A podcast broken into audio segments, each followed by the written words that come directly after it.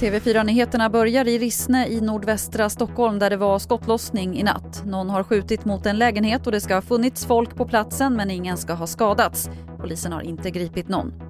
En man som var konstaterat smittad med coronaviruset satte sig i alla fall på ett flyg från Oslo till Qatar. Flygplatsen och polis larmades först när flyget redan var i luften och polisen fick säga till Qatar att den smittade mannen var på väg.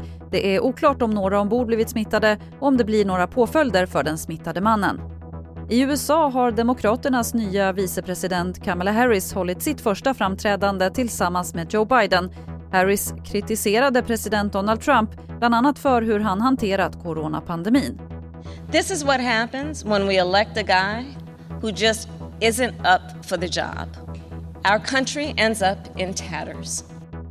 Och Trump svarade genast med att Harris kommer att bli ett stort misslyckande och att hon är ett dåligt val till vicepresidentkandidat. Det var det senaste från TV4 Nyheterna. Jag heter Lotta Wall.